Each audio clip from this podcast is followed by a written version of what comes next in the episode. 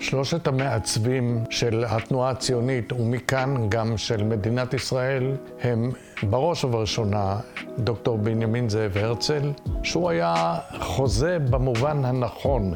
לאמור לא רק מי שהעלה את הרעיון של שיבת היהודים, אלא שהייתה בו העוצמה גם להציע הצעה שהיא פרקטיקה בשילוב חזון, וגם להוליב ארגון. אחריו, השני, היה חיים ויצמן, בערוב ימיו נשיא מדינת ישראל. לעת עיצוב רעיון המדינה בדרך, הוא היה נשיא התנועה הציונית, והוא עשה את המעשה שבלעדיו אי אפשר היה לממש את אה, רעיונו של הרצל, אה, הכרת העמים. הוא הביא את הצהרת בלפור, ואחר כך את הסכמת חבר הלאומים, והשלישי הוא דוד בן גוריון.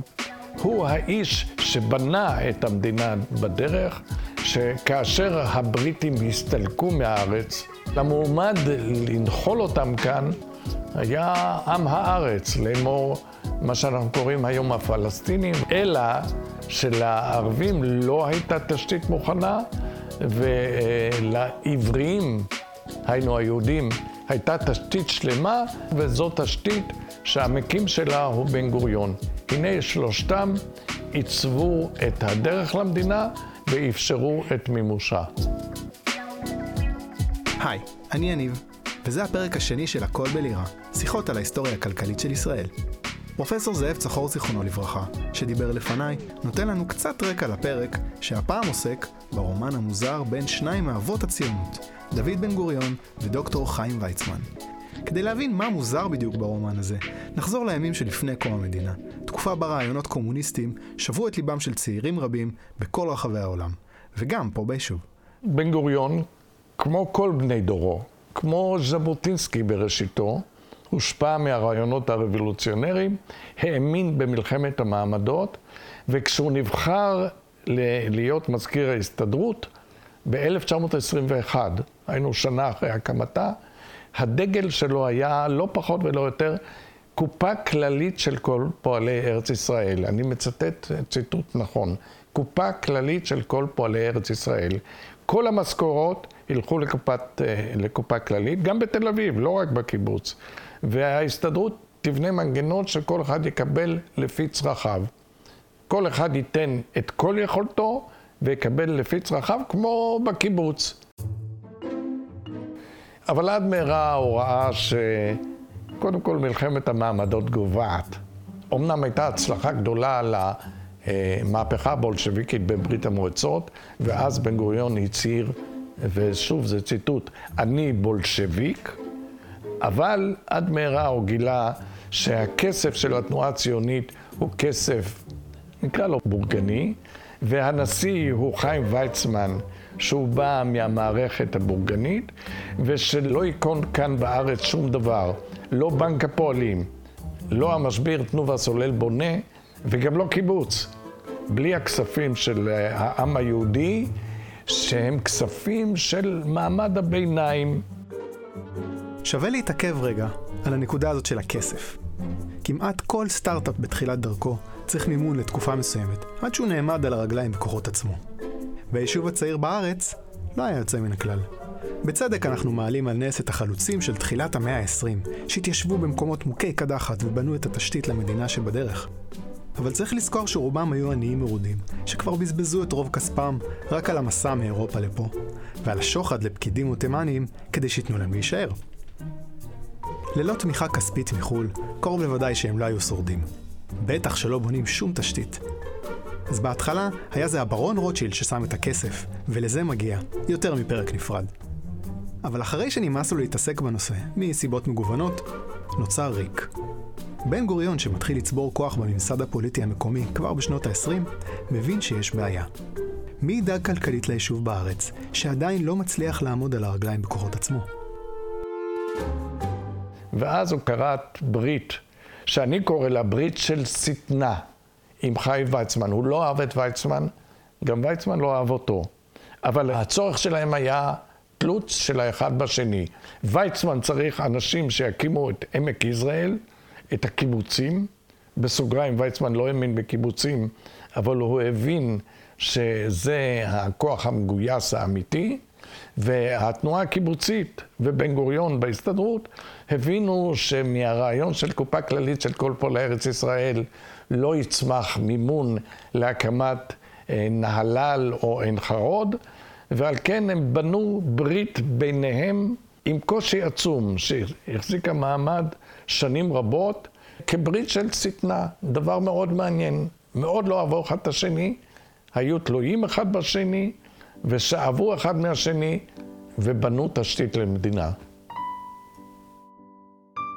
קודם כל, אה, ויצמן היה אדם שהוא מתון בדעותיו. אכן, היה ציוני כללי. זה משה ניסים, שר האוצר לשעבר בממשלת הרוטציה בשנות ה-80, שהחל את דרכו הפוליטית כחבר כנסת במפלגת הציונים הכלליים, שהייתה מזוהה עם דרכו של חיים ויצמן, למרות שהוא אף פעם לא הנהיג אותה. צריך לשאול מדוע חיים ויצמן, שמייצג מחנה בורגני, עושה הסכם עם ראש מפלגה סוציאליסטית. הציונות הכללית לא הייתה סוציאליסטית, והיא אפילו התנגדה למשטר הסוציאליסטי. אז השאלה היא שאלה מוצדקת, אבל צריך לומר מה שעמד ביסוד העמדה של חיים ויצמן. חיים ויצמן האמין שתנועת הפועלים, שהיא חלוצית, מסוגלת לקדם את האינטרס של הציונות יותר מאשר המנהיגות הרגילה או המקובלת של הציונות הכללית. הציונות הכללית לא הייתה תנועה חלוצית, לא הייתה התיישבות. ש... הציונות הכללית הקימה מושבות, אבל היא לא הייתה מוחזקת כתנועה חלוצית. ויצמן האמין ששיתוף פעולה עם התנועה החלוצית יכול לקדם את הנושאים של הציונות טוב יותר. אבל מפלגתו של בן גוריון לא הייתה היחידה בעלת חזון חלוצי. גם לז'בוטינסקי הייתה תנועה ששאפה להקים יישובים שיעצבו את גבולות המדינה.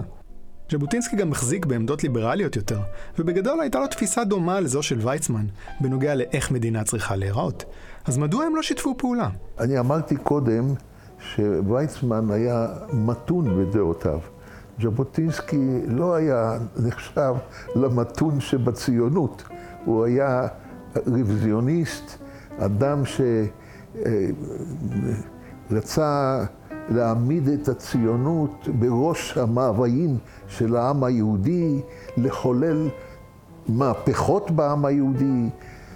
חסלו את הגולה, אם לא, הגולה תחסל אתכם, ועוד כהנה וכהנה עמדות שנחשבו אז לקיצוניות.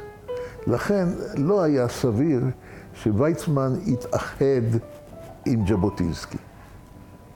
זאת אומרת, הקרקע המשותפת שלהם בעצם הייתה מאוד קטנה, רק בעניין הזה של אה, אולי הכלכלה. כן, ז'בוטינסקי היה ליברלי, ויצמן היה ליברלי, כמובן, בדעותיו, בגישתו הכלכלית וכדומה, אבל שיתוף פעולה ביניהם לא יכול היה להיווצר מהסיבה שאמרתי.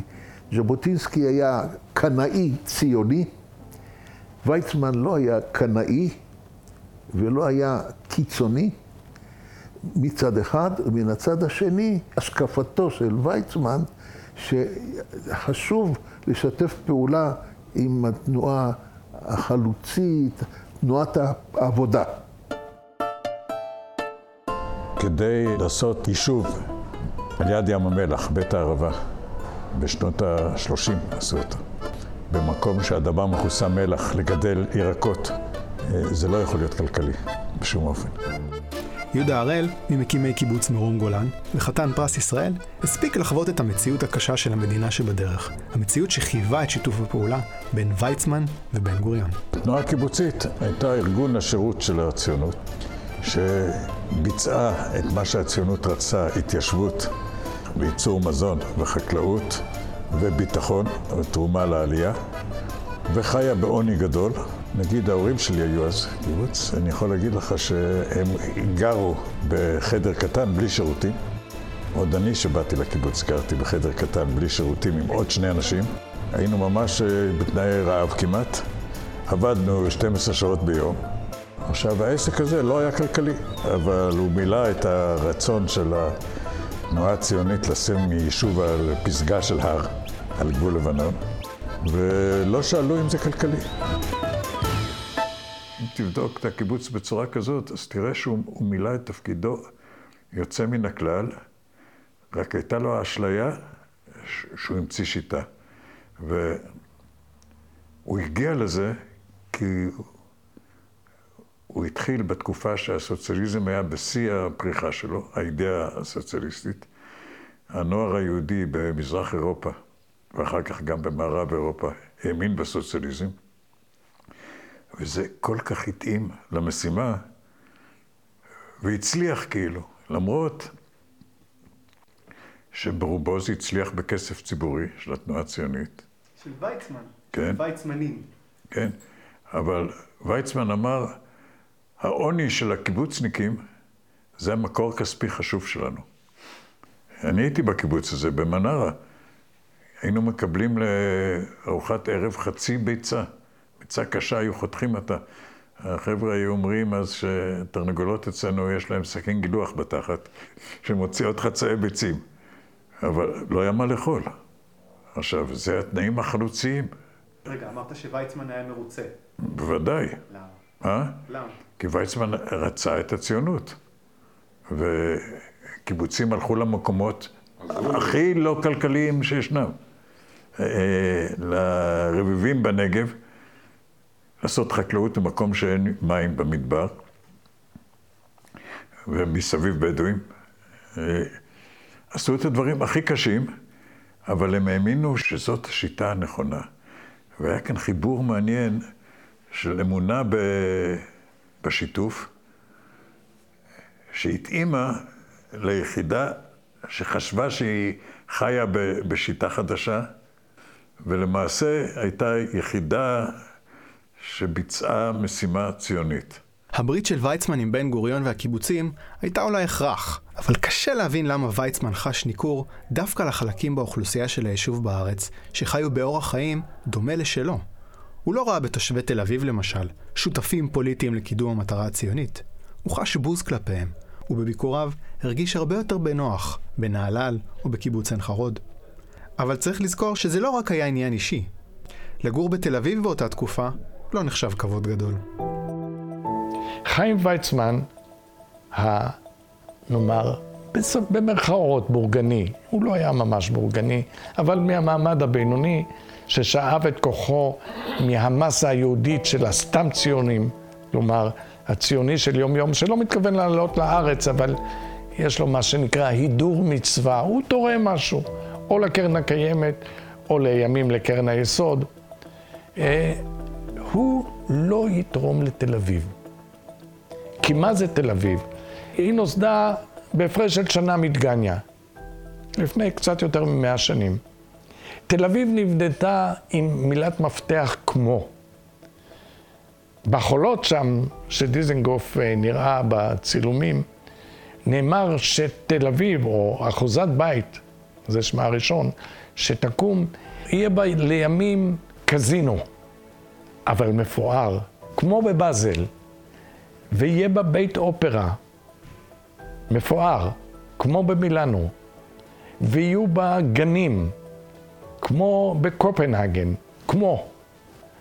באותו זמן עצמו קמה דגניה, ודגניה לא השתמשה במילה כמו, אלא במילה אחרת. אחרת מכולם. אנחנו בונים כאן משפחה קולקטיבית, חינוך קולקטיבי, רפת קולקטיבית, אחרת. שתי המילים הללו, השונות כל כך, אנחנו בונים כמו. אנחנו בונים אחרת, הן השורשים של ההסתעפות ב- לימים בין ימין לשמאל, בין השאיפה להיות כמו המשובחים, לבין השאיפה להיות מעל לכולם. ויצמן יודע שאם הוא יציע ליהודים בלודג' או בפילדלפיה לתרום להקמת תל אביב, זה לא ילך, הם יגידו, יש לנו את uh, פילדלפיה, יש לנו את לודג', אנחנו רוצים את האחרת. דגניה היא דוגמה למה שרופין יכול היה להשיג דרך ויצמן, יותר מאוחר אה, ויצמן יופיע, תרומות. או למשל, חברה, אה, חברת ספנות בים כנרת. לא הייתה טלוויזיה, לא ידעו בדיוק מה זה ים כנרת. זאת אומרת, ברור היה שהכנרת היא ערש. היא ערש תרבות, היא ערש נצרות, שמדברת אל היהודים לא במובן הדתי, אלא במובן התודעתי. היא שם הרי גולן, היא ירדן, והצעירים מדגניה חצו את הירדן מזרחה. איזה מעשה הירואי. ולהקים חברת ספנות שתיקרא נחשון בכנרת, לזה אפשר להשיג כסף. לימים החברה הזאת תתפתח לצים. עכשיו, ויצמן ידע את זה, וכאן הוא שיתף פעולה עם בן גוריון. כי בן גוריון יכול להביא לו את הצעירים הללו שיעשו את חברת הספנות הזאת. ומכאן גם התיאום האינטרסים. ועל כן, כן היו תרומות של המעמד הבינוני היהודי ושל הזרם הבורגני היהודי שהתנגד לקומוניזם. אבל הם בונים ארץ, הם הקומונלים הצעירים, הנלהבים, שהולכים לנהלל או לעין חרוד, הם יעשו את עמק יזרעאל. ומכאן האגדה שעמק יזרעאל זה ביצות ושזה יבש ועזוב. בעמק יזרעאל יש היום, ככל הידוע לי, 22 יישובים יהודיים. כשהיא נקנתה מסורסוק הערבי, היו בה 22 יישובים ערביים. אבל התנועה הציונית ידעה למכור את עצמה. היא אה, דיברה על מקום ביצות וקדחת, היא גייסה כספים ובנתה את עמק יזרעאל לתפארת. כספי התרומות של היהודים הבורגנים בחו"ל לא שימשו רק לסבסוד פעילות הקיבוצים. מנגנון התרומות שוויצמן הפעיל שימש שנים רבות לסבסוד פעולות הממשלה גם אחרי קום המדינה. כך למשל, התאפשרה פעילותה של ההסתדרות, שחברת העובדים שלה, על כל מפעליה, הייתה בסך הכל עסק גירעוני כמעט מההתחלה. ייתכן שהתרבות שהמנגנון הזה יצר, קצת מלווה אותנו עד היום. זה היה מה שבן גוריון קרא, ואחר כך הוא קצת מחק את זה, הגירעון היוצר. אלו, זה צמד המילים, הגירעון היוצר. ומאז, לאורך הרבה שנים, לא נבהלו כאן מיצירת גירעון. בן גוריון לא נבהל מזה. טוב, על הנושא של הגירעון היוצר של בן גוריון, הרחבתי מספיק בפרק הראשון על ההסתדרות. השורה התחתונה היא שלתפיסת העולם הזו של בואו קודם נעשה ואחר כך נחשוב מאיפה להביא את הכסף, היו השלכות גם בהמשך הדרך. במידה מסוימת המשבר הכלכלי שהיה בשנות ה-80, הוא לא הגיע בגלל התפיסה של נגלגל את הגירעון ויהיה בסדר? כן, הדוגמה הזאת היא טובה, וכל הדוגמאות של קריסת קיבוצים פעם ועוד פעם ועוד פעם, היא תולדה של הגירעון היוצר, והאלטרנטיבה מה? זה לא שהם בנו מאגרי כסף נסתרים במרתפים, הם בנו את אותו אה, קו של אה, הנורות המאירות, שבו גבול ההתיישבות הקיבוצית הוא גבול, גבול מדינת ישראל. אז זה המחיר. הם היו מודעים לכך. כספי התרומות עושים את עבודתם, והיישוב בארץ הולך ומתבסס. אך עם צמיחתו והתבססותו, ההנהגה הציונית שבאירופה וארצות הברית הולכת ומאבדת את כוחה והשפעתה לטובת ההנהגה המקומית של היישוב. מדובר היה בהתפתחות טבעית. בסופו של דבר המטרה הייתה שהיישוב יתפתח לגורם שיוכל לנהל את עצמו. ויצמן, גם אם רצה לשמור על כוחו והשפעתו, לא עשה דבר במגרש הפוליטי המקומי של היישוב. את קהל הבוחרים הטבעי שלו בקרב תושבי תל אביב, הוא לא משכיל לרתום לשם בניית מפלגה משלו, שתהווה בסיס כוח. וכך, לאט לאט, עם התפתחות היישוב לכיוון של מדינה, ויצמן הולך ומאבד את הרלוונטיות שלו. ואת השטח הוא משאיר לבן גוריון, שמוביל את מפא"י לא רק להשתלטות על ניהול היישוב בארץ, אלא גם על ניהול ההסתדרות הציונית כולה בחו"ל. לאחר קום המדינה המהפך מושלם. בן גוריון הופך לראש הממשלה ובעל הכוח. הוא כבר לא תלוי בוויצמן כמו קודם. האם עכשיו יגשים את חלום נעוריו וימשוך את מדינת ישראל לכיוון סוציאליסטי? זאת קצת בעיה, כי המדינה אומנם קמה, אבל התברר שהתלות בכספי היהודים הבורגנים מחו"ל עדיין קיימת. פרופסור אבי שמחון מסביר למה. בלי מטבע חוץ, כלכלה לא יכולה להתקיים. יש הרבה דברים שאנחנו לא יכולים לייצר בעצמנו. החל מאנרגיה וכלה במזון. אתה יודע, כל הלחם שאנחנו אוכלים, בעצם מקורו בחיטה שמגדלים במקום אחר, נדמה לי שעכשיו זה באוקראינה, ובשביל לקנות את זה צריך מטבע חוץ. כשהמדינה רק קמה, בימים הראשונים של המדינה, תחילת 49, אה, נגמר מלאי הגרעינים, נגמר מלאי החיטה. והיה חשש שלא יהיה, לא יהיה אוכל. אוניית חיטה שהגיעה לא נכנסה לנמל מפני שהם לא קיבלו את הכסף. הייתה הבטחה לשלם את הכסף, ועל סמך ההבטחה הזאת נשלחה אוניית חיטה לארץ ישראל, אבל הכסף לא הגיע. ובגלל שהכסף לא הגיע, האונייה סירבה לפרוק את המטען שלה, והיה חשש שתוך מספר שבועות לא יהיה מזון. בסוף נמצא יהודי עשיר בשוויץ, שהסכים לתת מענק של כמה עשרות אלפי דולרים, ועוד הלוואה לממשלת ישראל של כמה עשרות אלפי דולרים, ורק כשהכסף הזה הועבר לבעלים של המטען, רק אז האונייה עגנה. רוב המדינות, מאיפה הן משיגות את מטבע החוץ שלהן? הן מייצאות. הן מייצרות משהו שמוכרות אותו. לנו, עד לא כל כך מזמן, לא היה הרבה מה למכור. תחשוב, אה, היה לנו פה תפוזים, תפוזים זה אחלה, אני גדלתי בתוך אה, פרדס, אבל כמה כבר מטבע חוץ אפשר לקבל אה, מתפוזים, כשאפשר לגדל תפוזים כמעט בכל מקום אחר בעולם, מתחת, ל, מתחת לדרום אירופה. ולכן לא היה לנו הרבה מה למכור לעולם. ייצוא זה דבר מאוד מאוד קשה. בשביל לייצא משהו, אתה צריך להיות הכי טוב שמייצר את הדבר הזה. בשביל למכור משהו לגרמניה, צרפת, אנגליה או ארצות הברית, צריך להיות מצב שבו אין אף אחד אחר בעולם שיודע לייצר את אותו דבר, או יותר טוב, או יותר בזול ממך. וזה דבר מאוד מאוד קשה. והכלכלה שלנו לא הייתה כזאת טובה בייצוא עד, שוב, עד מהפכת ההייטק, שהיא דבר חדש יחסית. ולכן בעצם אנחנו נשענו כל השנים על הרבה מאוד מתנות. בין אם בן גוריון רואה בכך כבעיה ובין אם לא, עם קום המדינה הוא צריך לקבל החלטה בנוגע לעתיד הכלכלי של מדינת ישראל. האם ישראל תישאר כלכלה שמבוססת על מתנות ותרומות, או שהוא יאפשר פתיחת נתיב שיוכל להוביל בעתיד לעצמאות כלכלית? הקמת הקואליציה לאחר הבחירות הראשונות לכנסת היא הזמן והמקום שבו בן גוריון יעשה את הבחירה. תוצאות הבחירות מפא"י של בן גוריון בראש עם 46 מנדטים. אבל יש עוד מפלגה סוציאליסטית, מפ"ם. יש לה 19. יחד 65, רוב עם קואליציה. לבן גוריון יש רוב סוציאליסטי. אבל בן גוריון מהסס. הוא היסס חמישה שבועות, שבהם לפי עדותו כמעט לא ישן בלילות. כי עכשיו הוא צריך להקים קואליציה, 46, זה לא מפלגת רוב. ויש שתי אפשרויות, ימין או שמאל. השמאל זה מפ"ם, וזה להקים קואליציה סוציאליסטית. הימין זה דווקא הדתיים.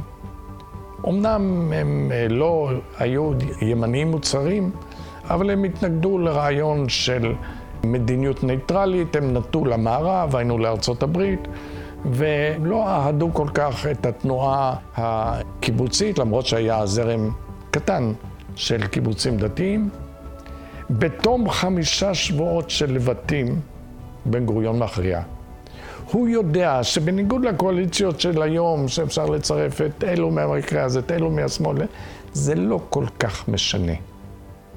אז לעת עיצוב המדינה, כבר לא מדינה בדרך, עכשיו מעצבים מדינה, יש שוני גדול מאוד בין ממשלה סוציאליסטית, שהדגש שלה יהיה על התיישבות עובדת, על מיסוי המעמד הבינוני, על יתרון גדול למפעלי ההסתדרות ולשלוחותיה, כולל למשל הנגב, מפעלי ים המלח, נגב וגליל, שזה אידאה של השמאל, תמיד הייתה.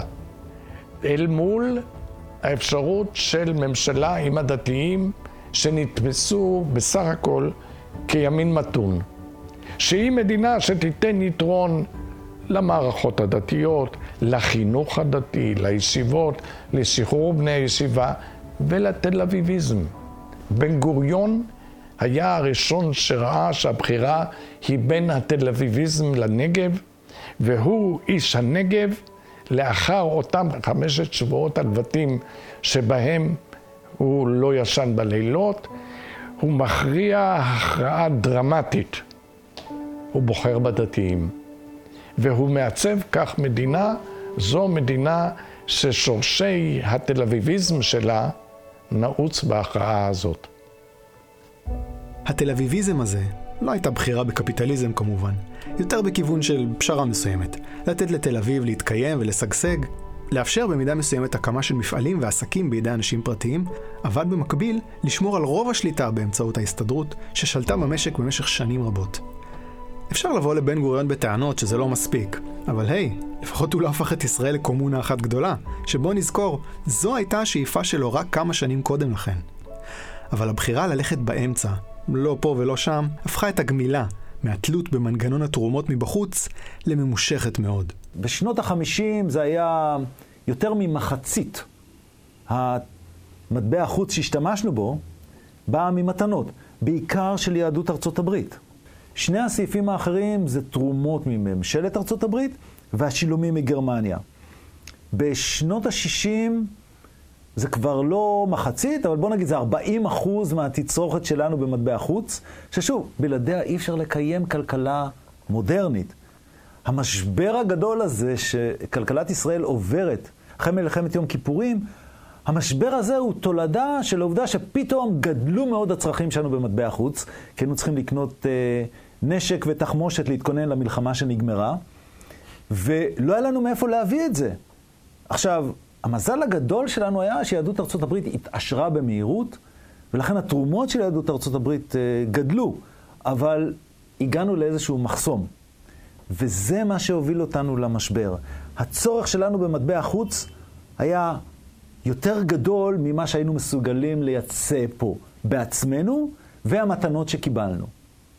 אה, והמשבר הזה בעצם היו לו הרבה מאוד פנים, והוא הופיע שוב ושוב עד סוף שנות התשעים.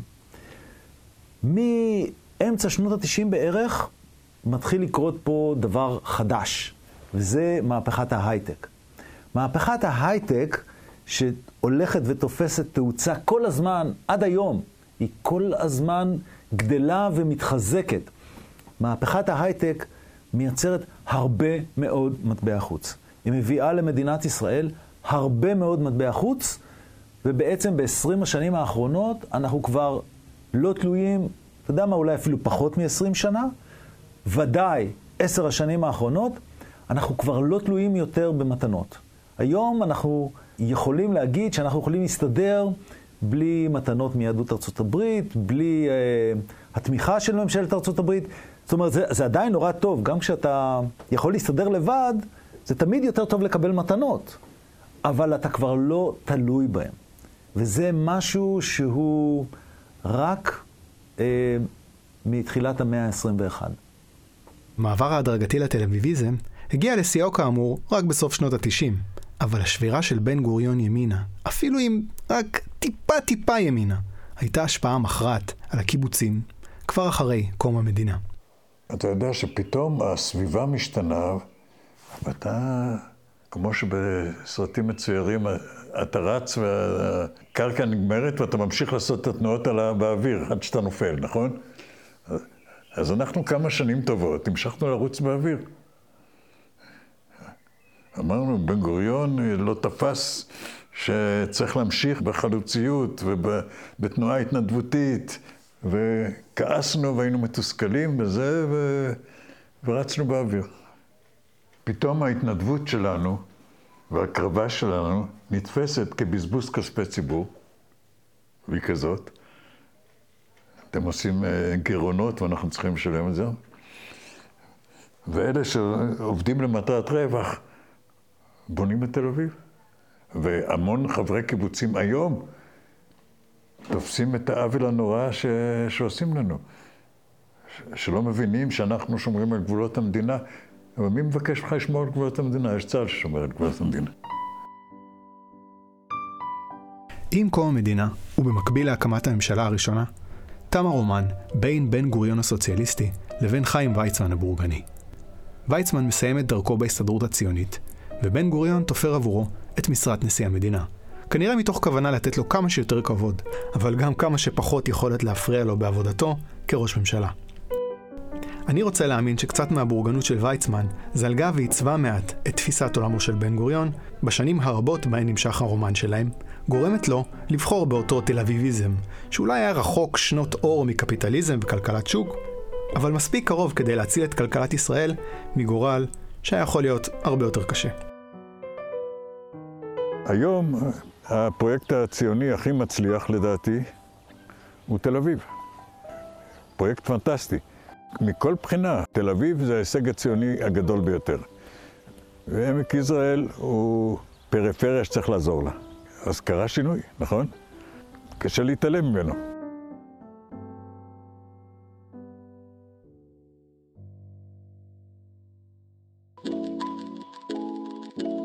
תודה רבה למשה ניסים, יהודה הראל, אבי שמחון וזאב צחור, זיכרונו לברכה.